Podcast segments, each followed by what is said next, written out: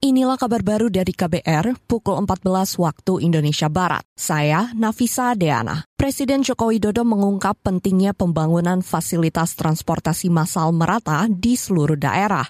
Jokowi beralasan meski tidak mudah membangun fasilitas itu, namun pembenahan transportasi harus didorong untuk mengatasi kemacetan dan manfaat lainnya. Itu diungkap Presiden dalam sambutannya pada peresmian Terminal Purworejo, Kabupaten Purworejo, Jawa Tengah hari ini meskipun banyak pro dan kontra, misalnya pembangunan kereta cepat, tetapi antar kota di Jawa ini nanti pada suatu saat akan kotanya akan sambung menjadi aglomerasi. Yang mau tidak mau kalau transportasi massalnya tidak terbangun akan stuck, macet dan bisa terjadi kalau itu tidak kita bangun. Misalnya di Jakarta, keluar dari rumah mau ke jalan sudah mentok macet.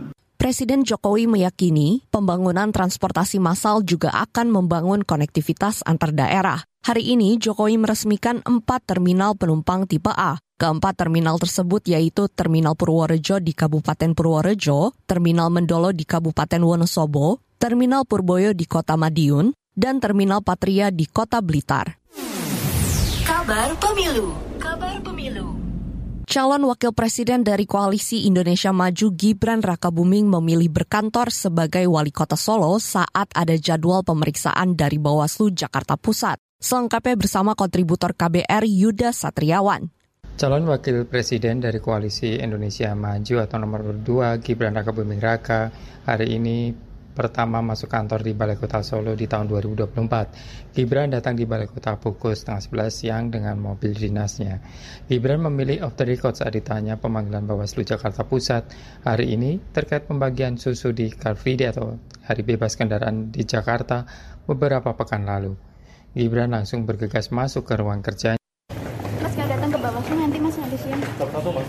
Eh, off the record loh. Badan Pengawas Pemilihan Umum atau Bawaslu Jakarta Pusat maka memeriksa Gibran Raka Buming Raka atau Cawapres nomor urut 2 Selasa siang ini. Calon Wakil Presiden nomor urut 2 itu hendak dimintai keterangan terkait dugaan pelanggaran dalam kegiatan membagikan susu di area Car Free Day di Jakarta beberapa waktu lalu.